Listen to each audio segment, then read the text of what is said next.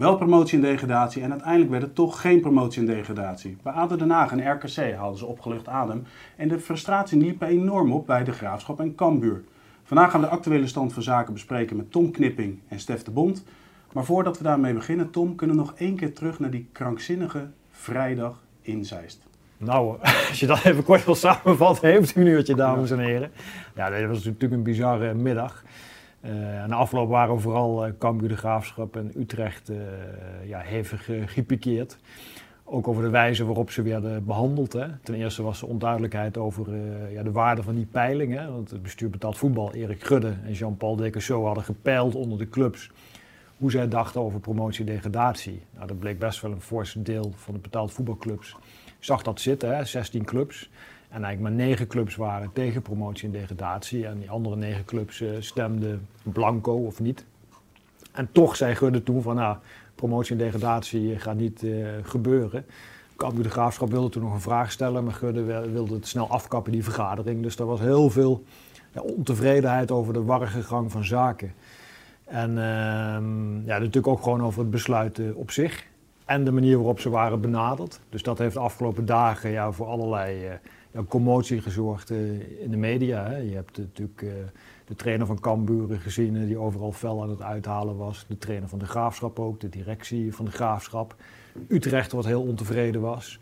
Dus ja, dat heeft voor een stortvloed aan reacties ja, gezorgd. En ja, allerlei juridische consequenties ook, wat, waar het natuurlijk nu over gaat. Ja, jullie zijn daar ook eh, druk mee geweest deze week. Stef de Bond, jij hebt bijvoorbeeld Henk de Jong gesproken van Cambuur.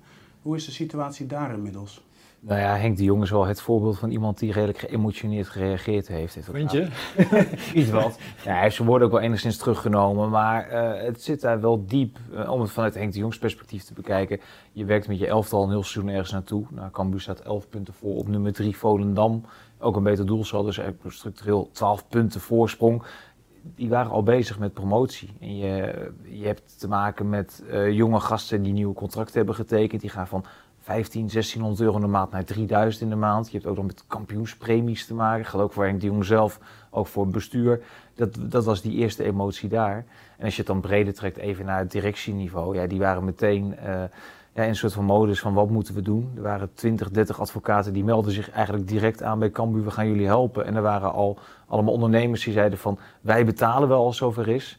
Nou, bij Cambuur hebben ze gewoon rustig de tijd genomen om ja, het een en ander uit te zoeken. En ja, die zijn nu toch wel uh, van mening dat ze juridisch iets moeten doen. Al is het alleen maar voor de supporters. Ja, maar wat kan je er tegen doen? Want je financiële huishouding baseer je of in de keukenkampioen-divisie speelt of in de eredivisie. Bij RKC bijvoorbeeld gingen ze er al ja, gewoon vanuit dat ze in de keukenkampioen-divisie zouden gaan spelen. Ja, maar dat is ook een beetje de vervelende discussie die nu gaande is. Ik hoor ook wat, wat andere uh, ja, mensen met een mening dan maar roepen van ja, maar Cambuur, wanbeleid, dat kan niet. Uh, als jij zo ver voor staat en je moet voor 1, 1 april moet jij je contracten verlengen of opzeggen ja, dan ga je uit van eredivisie voetbal. Dus dan ga je bepaalde jongens, uh, geef je een nieuw contract of verbeter je contract, omdat je die gasten binnenboord wil houden richting de eredivisie. En andersom inderdaad, in Waalwijk ging niemand er meer vanuit, ja ik hoorde het Fred Grim zeggen, maar ging niemand er meer vanuit dat ze nog in de eredivisie zouden spelen. Dus die hebben ook al beleid gemaakt op volgend jaar keukenkampioen-divisie. Dus ja, je krijgt behoorlijke klappen. Net als Utrecht dat wil, voor het feit dat ze niet de Europa League ingaan, gaat Utrecht Europa in. En die kans was natuurlijk best wel groot ja, dan, dat is gewoon 5 tot 10 miljoen euro wat je daarmee verdient. Ja, dat zien ze ook nu uh, ja, uh, als sneeuw van de zon verdwijnen. Dus zij willen ook een tegemoetkoming. Dus los van de sportieve consequenties speelt ook gewoon een groot financieel belang.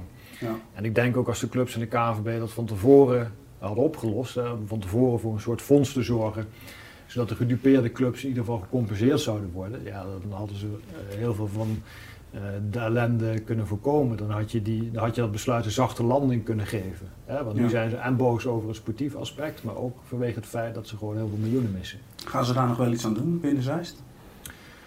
Uh, nou ja, ja zijn, ze zijn wel bezig met een plan. Uh, het moet ook deels vanuit de club zelf komen. Hè. De KNVB heeft voorgesteld van nou, Europese deelnemers. Hè. Uh, 25% van de competitie is niet gespeeld. Dus sta 25% van je premies af en verdeel dat onder de clubs. Maar dan krijgen ze tot nu toe nog niet heel veel handen voor op elkaar. En alleen Willem II heeft gezegd dat willen we doen. En AZ heeft in eerste stadium ook aangegeven dat ze een dergelijk gebaar willen maken. Uh, Ajax en PSV lijken volgens nog wat minder ver uh, te gaan. Dus iedereen kijkt nog een beetje naar elkaar. Vind ik wel opvallend. We zijn nu bijna twee maanden bezig in die crisis. En er is nog niet een soort uh, ja, algemeen plan uh, om ervoor te zorgen dat, die, uh, dat de clubs die het moeilijk hebben ook kunnen blijven bestaan. Maar het probleem zit er ook een beetje in wat jij zegt, dat aan de voorkant niks geregeld is. Want de KNVB roept nu eigenlijk op tot solidariteit. Dat eigenlijk de, de clubs die Europa ingaan ja, betalen. Terwijl die clubs denken van jullie hebben er eigenlijk een ontzettend puinhoop van gemaakt. Uh, ik proef ook bij clubs als Kamper in de Graafschap dat ze ook gewoon naar de KNVB kijken en denken van ja, wat gaan jullie zelf doen? Ja, precies. Maar dat is ook altijd een beetje wijzen naar elkaar natuurlijk. Kijk, als je naar Duitsland kijkt, hebben we meteen clubs samen 20 miljoen in in een fonds gestort. En ook vanuit de club zelf mag je ook wat meer verwachten. En, maar kan het ook altijd, Tom? Want als je kijkt, we hebben het over de financiële huishouding bij Cambuur, of je nou wel of geen eredivisie speelt. Maar voor Ajax is het toch ook hetzelfde Ja, alle huizen staan in brand. Ja. Ik bedoel, maar dat geldt in het buitenland natuurlijk ook. En de vraag ook aan Ajax is, ja, wil je straks met een volledig betaald voetbal nog door? Wil je nog een interessante eredivisie met voldoende tegenstanders? Ja, iedereen zal uiteindelijk dan uh, pijn moeten, moeten lijden. het is niet alleen het huis van Ajax of alleen het huis van Cambuur wat in brand staat. Gewoon het hele betaald voetbal staat in de fik. En dan moet je samen proberen te blussen. En uh, nu is iedereen alleen maar zijn eigen huis aan het blussen. Maar de enige oplossing zou dan zijn dat je toch met 20 clubs gaat werken, toch? Nou, dat vind ik zelf helemaal geen goede oplossing. Nou, maar financieel gezien alleen? Nou, ja, hoezo? Nou, het feit dat dan die clubs alsnog promoveren en dus ook een uh, eredivisie huishouding... Ja, maar dat, financieel daarmee wordt de voetbaleconomie zeg maar niet groter. Kijk, je hebt dan de eredivisie gaat in plaats van 18 naar 20 clubs bestaan. Dus de revenue uit tv-gelden bijvoorbeeld moet, dan ook, moet je ook door 20 delen. Maar dat zal altijd nog meer zijn dan de uh, keukenkampioen-divisie, ja, ja, maar wat gebeurt er met de keukenkampioen-divisie dan? Ik bedoel, dat, dat is zeg maar de, de basis van de piramide, waar veel, best veel talent vandaan komt. Uh, die hebben nu al natuurlijk een minder interessante competitie gekregen sinds de, uh, de jongploegen daar zijn aangesloten. Dus je hebt er nu 16 uh, eigenlijk volwaardige clubs en vier jongteams. Dat zou dan 14 vier worden. Plus de eerste divisieclubs, die missen eigenlijk twee aantrekkelijke thuiswedstrijden, juist tegen twee goede tegenstanders. Dus ja. ja, ik denk dat het voor de eerste divisie heel uh, ongunstig is. En dat was ook voor de KNVB een van de ja, redenen om te zeggen, ja, we willen geen, uh, geen 20 clubs. Uh, want dan wordt de eerste divisie oninteressant. In de eredivisie ontstaat het probleem. Je moet de inkomsten delen tussen meer clubs. Uh, er was de afgelopen jaren een koers ingezet dat de eredivisie juist kleiner moest worden. Hè. Met name Ajax en PSV uh, ja, hebben daar toch een paar keer flink op gehamerd. Hè. We willen een kleinere eredivisie, want 18 is eigenlijk te veel. Daar hebben we niet genoeg goede ploegen voor. En we willen meer weerstand. Ja, zou je nu eigenlijk het tegenovergestelde gaan doen. Dan maak is je het dan groot dat Ajax juist opteert voor een competitie wel met 20 clubs? Ja, dat hoor je, achter, hoor je achter schermen dan. Maar dat heeft, heeft Van der Sar natuurlijk niet uh, keihard gezegd op televisie of zo. Valt me bij Ajax op dat ze vaak achteraf heel goed weten hoe ze alles hadden gemoeten. Hoe alles had gemoeten. Maar Ajax heeft natuurlijk in principe de meeste macht in het Nederlandse voetbal. Dus als zij zoiets echt willen, dan kunnen ze dat natuurlijk gewoon samen met de topclubs uh, ja, doordrukken eventueel. Nu hoor je wel iets van... Zie je ook zover komen als ze dat echt door gaan drukken? Nou ja, nu kan het natuurlijk niet meer. Ik bedoel, nu is de beslissing genomen. Om dan nu nog uh, de eerste divisie te gaan uitkleden, dat zie ik niet meer gebeuren eerlijk gezegd. Maar ja, als Ajax het wil, dan kan het natuurlijk van alles. Maar Ajax zegt dan, ja, we hebben wel een plan ingediend, maar dat is niet serieus genomen.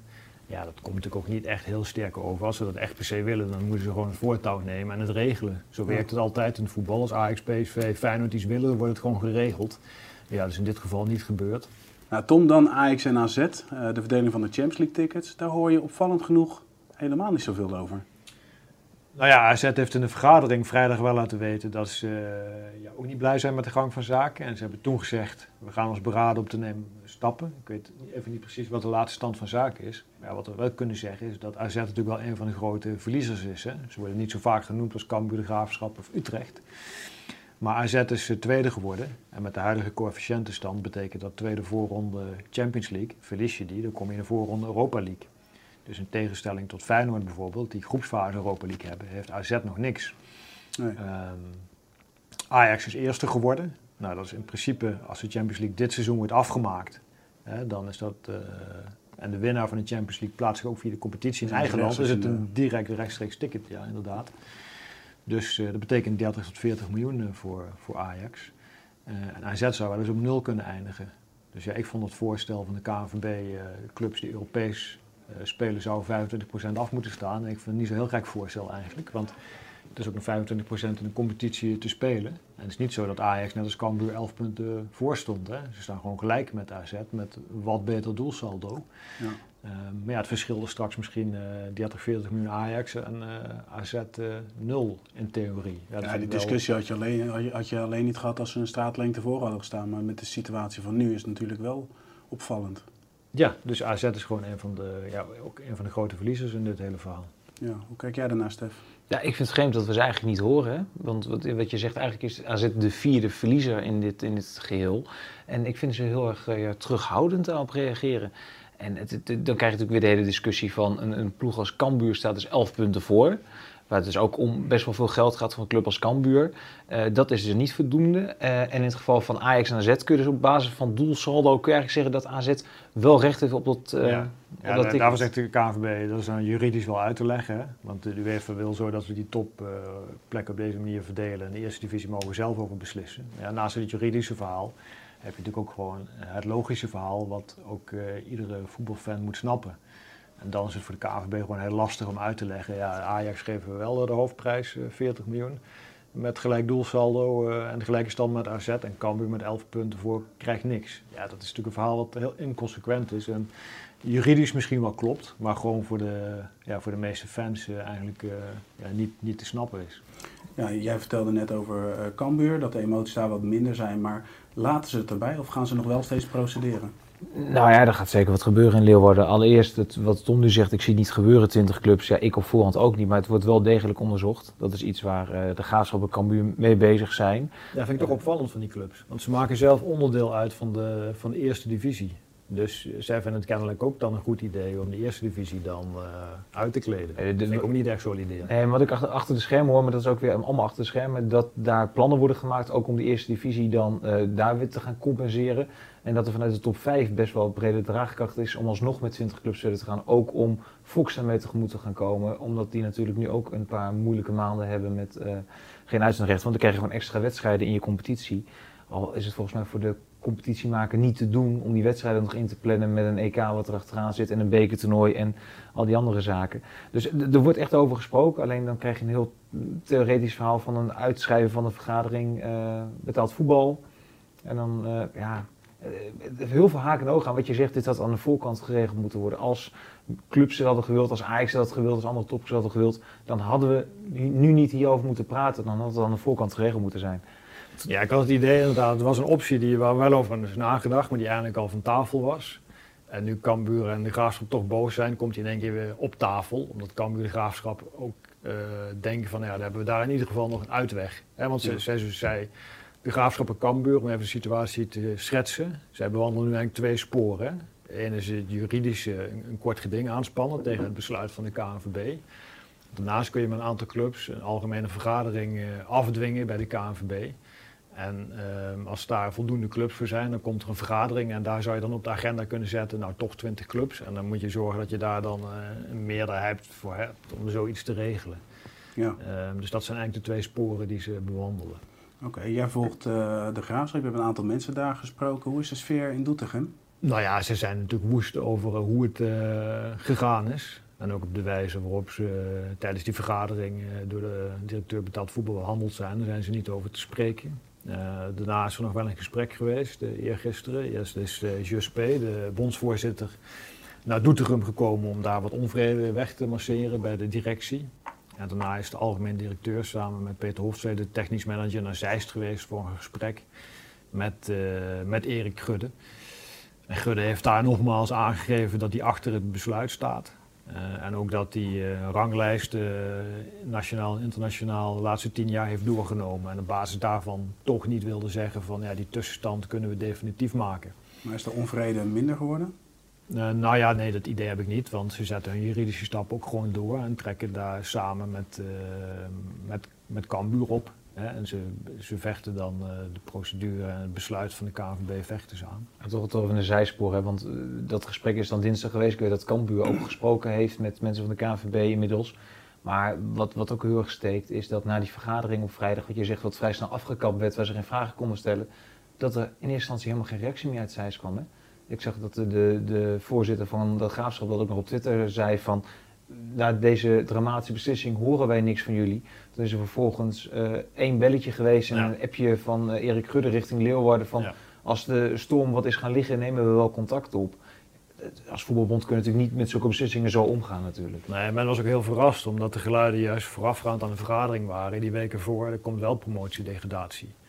Eh, en iedereen had ook zoiets van, ja, er zit ook veel, eh, veel meer topsportklimaat eigenlijk in Zeist dan in het verleden. Hè. Toen, eh, zeg maar, de periode Bert van Oostveen.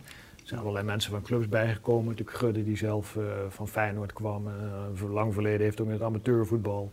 Eh, Jan Smit van Heracles, eh, Jeroen Slop eh, van Ajax, Han Berger eh, namens de trainers. In de directie nog Nico-Jan Hoogma en Art Langelo erbij gekregen. hè. dus dus veel, meer, veel meer voetbaluitstraling dan in het tijdperk van Oostveen. Dus het idee van de club was ook, nou er zal ook wel een minder eh, technocratisch eh, besluit komen. Ja. En zal er ook wel meer eh, vanuit sporthart geredeneerd en beslissingen worden gemaakt. En, een brede dat draag, eh, gebeurd. draagvlak bij de clubs, denk ik ook, daardoor. Ja, want ja, je hebt het gezien, de uitslag van de peiling. De clubs, als ze gewoon, ik had gezegd, wel promotie en degradatie, hadden ze natuurlijk een probleem gehad met ADO Den Haag, dat dan de zaak had aangespannen. Maar dat was in de publieke opinie en bij de clubs was dat wel beter gevallen, denk ik, ja. Ja, dan de juridische stappen die gezet worden. Daarmee eh, gaan, dat, dat gaan ze doen met ene meneer Segaar. is wel een bekende bij de KVB, hè? Ja, dat klopt. Die heeft eh, vier jaar geleden die zaak van Twente gedaan. Hè. Twente had toen die eh, financiële problemen, na het tijdperk Joop Munsterman. En toen heeft de licentiecommissie van de KVB gezegd, nou Twente moet reglementair eh, degraderen. En ze hebben toen eh, dezelfde advocaat als Cambuur de Graafschap nu in de arm genomen. Ook een kort geding aangespannen. Kort geding toen verloren. De Segaar heeft toen een kort geding verloren. Eh, maar vervolgens, dus iedereen dacht, nou Twente is gedegradeerd. En de Graafschap zou daardoor promoveren naar de Eredivisie, om er wat ingewikkelder te maken. Maar Twente was toen gedegradeerd. En toen zei de beroepscommissie, hè, Twente ging toen in beroep weer bij de beroepscommissie van de KNVB. Hè, dat is zeg maar de hoogste instantie dan van de KNVB, waar je nog kan aanvechten. En die beroepscommissie maakte toen één keer een draai. Nee, Twente mag toch blijven. En zo bleef Twente alsnog eh, in de Dat was met die nummer 47 van de 50 machtigste Nederlanders in de voetbal, hè? Ja, die was De man van de licentiecommissie. Ja. Ja. Maar Oh, toen daar ze, los van. Ja, dus eerst licentiecommissie, Ja. degraderen. Eh, de rechter heeft toen gezegd eh, tegen Twente, ja, degradatie is terecht. De licentiecommissie heeft gelijk. ja. En toen is Twente nog tegen het besluit van de licentiecommissie, kun je nog in beroep bij, bij de KNVB, hebben ze toen gedaan. En de beroepscommissie heeft toen gezegd, toch niet degraderen. Dus die beste meneer Segaar die destijds eh, er alles aan deed om de graafschap in de eerste divisie te houden, die gaat er nu alles aan doen om de graafschap en Cambuur naar de eredivisie te krijgen. Hij heeft nog wat goed te maken. Wel grappig, want de graafschap destijds, was natuurlijk een heel gedoe na afloop nog, toen is de graafschap gecompenseerd door de KNVB. En niet met kaart geld, maar kregen ze de wedstrijden van Jong Oranje. En daar hebben ze nu ook van gezegd, eh, zeker in de eerste emotie, van ja, de KNVB kan ook opdonderen met die wedstrijden van Jong Oranje, die hoeven ook niet meer. Want dat was dan ook gewoon een beetje om ja, tegemoet te komen. Want de graafschap was toen al bezig met het inrichten van de eredivisie elftal en alles wat erbij kon kijken. En op het laatste moment was het in één keer van ja, sorry, je moet toch nog een jaartje in de... Ja, dat is nu de tweede keer eigenlijk, eh, dat, het, dat, Ja. dat de KNVB, of dat eh, de graafschap toch eh, eigenlijk benadeeld wordt. Als ze de Leeuwinnen wel krijgen, dan denk ik... eh, Hoe schatten jullie de kans in van de Graafschap en Cambuur? Ehm, nou ja, niet zo heel groot eerlijk gezegd. Ehm, kijk, de KNVB is wel... Ik heb die brief nog een keer nagelezen die ze eh, voorafgaand aan de vergadering aan de clubs hebben gestuurd. En daarin hebben ze wel heel duidelijk gezegd dat eh, de peiling onder de clubs, dat het geen stemming is, maar dat ze dat mede, eh, en mede is dan onderstreept, meenemen in het besluit. Ehm, maar dat bestuur betaalt voetbal ja, uiteindelijk. het bestuur betaalt voetbal, de Schudde en Decoso nemen uiteindelijk de beslissing.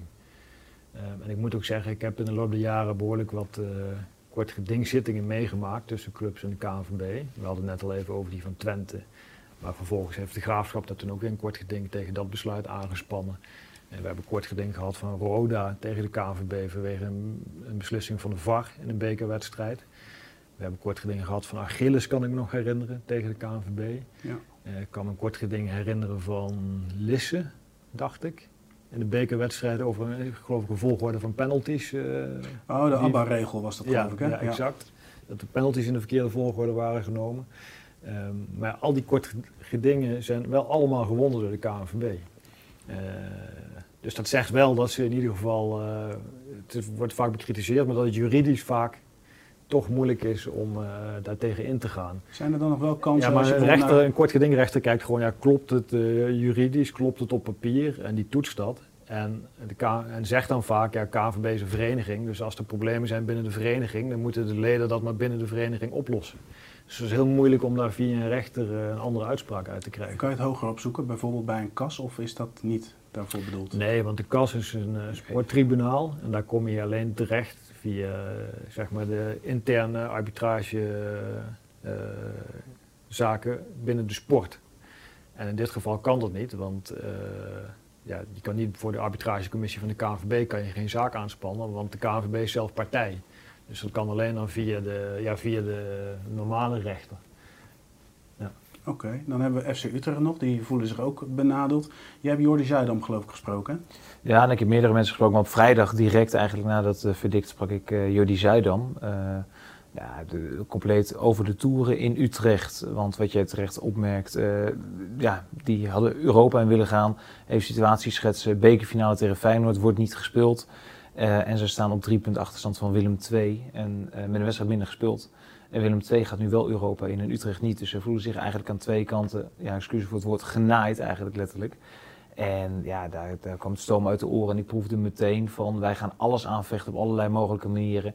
Die willen het ook aanhangig maken bij de UEFA, althans dat was toen de opmerking, dat ze dan wel nog een uitweg richting het kas zien desnoods. En daar weer wel. Dat, dat, was des, dat werd op vrijdag geroepen, nog voordat ze alle adviseurs gesproken hadden. En vervolgens was het de grote Frans van Zeumeren show uh, in Nederland. Ja, want hoe zit het met de reglementen van de UEFA? Maken ze kans op basis daarvan? Nee, ik denk dat van die drie clubs dat Utrecht de minste kans maakt. Uh, kijk, wat bij de Cambuur de Graafschap kun je nog zeggen van ja, als de redenering is van 1 tot en met 5, uh, daar, selecteert de KNVB, of pakt daar gewoon de ranglijst eigenlijk. Hè. 75% van de competitie gespeeld. De, de plaats 1 tot en met 5 zetten we vast en koppelen beloningen aan. De graafschap zegt dan, uh, en Cambuur, ja waarom doe je dat ook niet voor de onderkant van de ranglijst? Dat is, daar zit nog wel enige logica in. Maar volgens mij heeft Utrecht geen zaak. Um, ik heb ook wel een aantal juristen gebeld van ja, wat zouden jullie doen? En niemand zou, eh, zeggen ze dan off the record allemaal, niemand zou eigenlijk Utrecht adviseren om een zaak aan te spannen. Um, ja, waarom niet? Ja, iedereen kan UEFA-reglementen lezen, hè. die staan gewoon op de website van de UEFA, die zijn openbaar. Um, de UEFA zegt duidelijk, is het bekertoernooi niet afgemaakt, dan vervallen de tickets gewoon terug aan de, aan de competitie. Dus dan is het gewoon in het geval van Nederland de nummer 5 die, uh, die uh, de Europa League ingaat. En ga je toch het anders organiseren, hè? ga je toch op basis van een niet gespeelde bekerfinale het in Utrecht toekennen, dan vervalt gewoon een ticket. En kijk, de Europa League, dat is ook geen toernooi van de KNVB. Hè? Het is een, gewoon een toernooi wat eigendom is van de UEFA. Dus de ja. UEFA bepaalt daarvoor de spelregels en niet, niet de KNVB.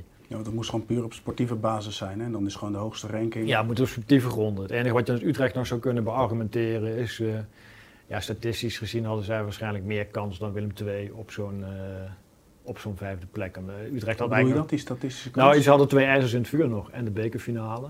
En ja. ze konden natuurlijk ook nog heel goed vijfde worden. Want ze hadden een wedstrijd minder gespeeld dan Willem II en een beter doelsaldo. Maar dus kom je in zo'n soort discussie terecht. Um, maar ja, ik denk dat. Maar goed, ik weet niet welke stappen Utrecht gaat nemen. Kijk, de advocaat van Kamper de Graafschap is er wel duidelijk over. Die zegt gewoon en een, kort, en een kort geding en die weg via de vergadering. Maar bij Utrecht weten we eigenlijk helemaal niet wat ze willen. En uh, ze zeggen, ze schermen met van alles. Ja, we zetten alle advocaten erop en uh, we laten ons niet in de kaarten kijken. Van Zeumer is dat, hè? Ja, maar ik vraag me wel af, ja, maar wat hebben ze dan uh, precies? Want de kort ze hebben geding... het over een tactisch plan, toch? Maar ze willen niet zeggen wat dat tactisch nee, plan is. Nou ja, kort geding, dat is natuurlijk weinig kans. Daar hebben we het net al over gehad. En het andere wat je kan doen is een bodemprocedure. Maar ja, dat duurt twee, drie jaar. Dus ja, ja. dat... Ja, eens. Ja, ik ging op, voorheen, toen er nog voetbal werd, op vrijdag altijd naar de persmomenten van uh, John van der Brom. Die, die liep meer in zijn kaarten kijken dan de, de directie van Utrecht op dit moment. Uh, ergens heb je, krijgt ook een beetje het gevoel dat ze misschien nog niet helemaal weten. En ik denk dat Utrecht ook vooral uit is uh, op, op een financiële tegemoetkoming. Ja, daar zal het uiteindelijk wel op neerkomen. Want stel, dit, dit, stel je krijgt je zin over een maand of zo. Dan kun je dan nog tegen Willem II zeggen van ja, jullie gaan toch niet Europa in kun je nog tegen RKC en ADO uh, zeggen, ja sorry, maar jullie degraderen toch? Ja, maar dat is ook wat je nu dan hoort. dan, dat die dan heb je weer drie nieuwe rechtszaken. Dan, Ja. dan sta je met Willem II, RKC en ADO voor de rechter. Dat is wat je nu ook veel hoort, hè? dat die bekerfinale alsnog gespeeld moet worden. Maar het zou pas na 1 september kunnen en dan is het Europese seizoen alweer gestart. Nou ja, tot nu toe is het zo dat je- moet voor eind mei een plan indienen bij de UEFA. En de Europese inschrijving staat nu op 3 augustus. Dus dat, ja, daar gaat de UEFA uiteindelijk over natuurlijk. Het is ni- niet zo dat, ja, dan zou je bij de UEFA moeten kunnen regelen dat de inschrijving pas veel later is, eh, half september of zo. Maar UEFA heeft nu gewoon gepland dat ze in het nieuwe seizoen weer gewoon op tijd met hun Europese toernooien willen, willen beginnen. Nou, wanneer verwachten jullie duidelijkheid? Ja, en zo snel mogelijk. Want Tom zegt, we kunnen niet te lang wachten. Want wat je zegt, je kan niet zometeen alles weer terug gaan draaien of andere clubs benadelen. Dus ehm, ik had eigenlijk al verwacht dat, dat als iemand een kort geding was begonnen, dat we dat eigenlijk al wel vernomen hadden. Want het is nu, eh, het is donderdag. Eh, ja, dat kan volgens mij niet al te lang duren. Nee, volgens mij zag, heb ik eerst gelezen dat Segaar zei dat over twee weken dan eventueel een kort geding zitting zou zijn. Hè? Dat kan wel kloppen. Als je nu aanvraagt, dan duurt het één of twee weken. Dan moet je vervolgens moet je weer wachten op de uitslag. Dus dan ben je natuurlijk sowieso al een aantal weken verder. Ja.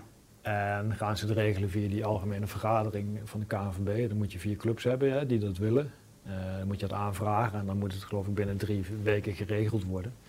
Eh, dus ja, dan ben je natuurlijk ook zo weer een paar weken verder. Dus voorlopig zijn we nog wel even bezig. daar, deze discussie inderdaad, die gaat nog wel eh, een paar weken duren, ja. Deze, ja. deze discussie duurt voort. En eh, het enige wat je wel kan zeggen, of, het nou, of ze nou juridisch gelijk hebben of niet. Feit is dat die clubs natuurlijk wel gewoon ontzettend gepakt worden nu. En dat, is, dat heeft de KVB niet bewust gedaan. Dat is gewoon de situatie waarin we met z'n allen verkeren. Maar als je als Cambuur en de Graafschap zo overduidelijk beter bent in de eerste divisie. En als je als Utrecht zijnde ja, toch nog zo dicht bij Europees voetbal bent. Ik snap de woede, ik snap de frustratie. Alleen ik ben heel bang dat we zo meteen aan het einde van de reeks zeggen dat de uitkomst die we nu hebben, dat het ook de uitkomst zal zijn. Ja, de uitkomst is dat de KNVB alleen financieel kan compenseren, toch? Want welke beslissing je ook neemt, je doet altijd clubs tekort. Dat klopt, alleen in dit geval, eh, deze beslissing, dat is natuurlijk wel heel merkwaardig geweest, omdat eh, gewoon een groot deel van de clubs wel promotiedegradatie eh wilde. Dus Ja. dat komt er natuurlijk nog eens bij. Ja, dus naast- is weer die procedure waar ze over vallen. Ja, daar zijn ze natuurlijk woedend precies. over. En dat is natuurlijk ook wel eh, volstrekt eh, ja, begrijpelijk. Ze hebben natuurlijk gedacht, we gaan met het enquêteren van de club draagvlak eh, creëren. Maar ja, vervolgens niet vooraf aangegeven precies welk belang je dan aan de uitslag hechtte. Want later heeft Schudde bijvoorbeeld op tv gezegd, nou ja, ik wilde 80% eh 20. Hè, dat had hij een duidelijke uitslag gevonden, maar dat was vooraf niet medegedeeld. Heeft trouwens ook geen club gevraagd hoor, trouwens moet ik erbij zeggen. Eh, maar ja, daar zijn de clubs natuurlijk wel eh, ja, kwaad over. Maar als clubs dat hadden geweten, dan waren er ook heel wat clubs geweest die nu niet hebben gestemd. We hebben het niet eens over een blanco stem, er zijn gewoon clubs geweest die niet hebben gestemd. Die mogelijk wel een stem hadden eh, ja, gegeven. Als ze dat hadden geweten op voorhand.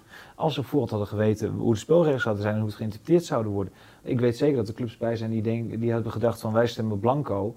Maar we neigen meer naar, we zijn voor promotie-degradatie. En dat, dat gaat uiteindelijk toch wel komen, want we wisten dat in de eerste divisie ja, eh, bijna alle clubs voor promotie-degradatie zouden zijn. Maar was de KNVB onduidelijk of zijn de spelregels tijdens het spel veranderd?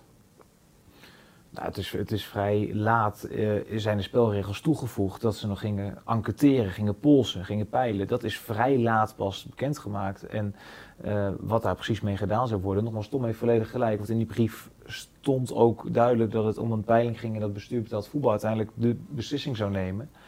Alleen het is allemaal wel vrij laat, eh, allemaal er doorheen geduwd van we gaan eerst de clubs nog even polsen. Dat, dat was iedereen de basis, basis waarvan moet je dat als club ook eh, beoordelen. Eh, de, de kleur, van, de kleur van de shirts. Of wat je zelf even goed uitkomt. Hè? Als ADO bijvoorbeeld weg zou vallen, zou het misschien gunstiger zijn voor je eigen tv-ranking. TV-gelden. krijg je weer meer geld. Eh, wil je RKC er liever inhouden, want dan maak je volgend jaar minder kans om te degraderen, omdat het veruit de zwakste ploeg is. Weet je wel, al dat, al dat Altijd soort... eigen belang.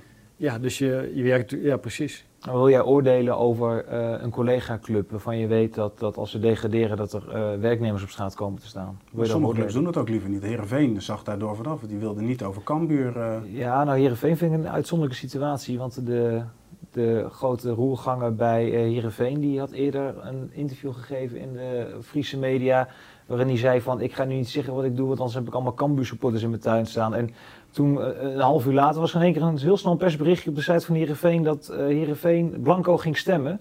Waar ik een beetje de neiging van heb dat het wat Maar ik moet zeggen, soms, soms komen de clubs ook wel een beetje, want je, wat je zegt klopt wel. Een aantal clubs zeggen van we willen het niet, want we willen niet oordelen en ontslagen, bla bla bla bla. Maar dat heeft ook wel een hoog hypocriesiegehalte. Want op hetzelfde moment zijn gewoon uh, zes clubs bijvoorbeeld aan het praten over een benenliga. Ja, nou, dat, ik, zelf lijkt me dat best interessant overigens. Maar ja, dat betekent wel dat je natuurlijk het hoofd eraf hakt van een aantal andere clubs. Uh, Ajax, PSV uh, hebben de afgelopen jaren toch vrij hard en duidelijk gezegd dat zij 16 clubs wilden en uh, een kleinere eredivisie omdat de rest niet eredivisie waardig was. Nou, dat had ook degradatie van twee clubs uiteindelijk betekend. Met alle financiële problemen en ontslagen van dien. Dus ja, ik vind het ook wel wat makkelijk om maar te zeggen van uh, ja, wij hebben hier geen enkele mening over, want ze weten het altijd heel goed. En dan zou ik het ook wel sterk vinden als de sterke leiders van ons voetbal juist in zo'n crisis ook het voortouw nemen. Ja, voorlopig uh, nog veel onduidelijk en clubs die voor hun kansen gaan. Jullie bedankt voor je bijdrage. Nou ja, mocht er nog meer nieuws zijn, dan schuiven we onze verslaggevers uiteraard aan. Bedankt voor het kijken voor nu en tot snel.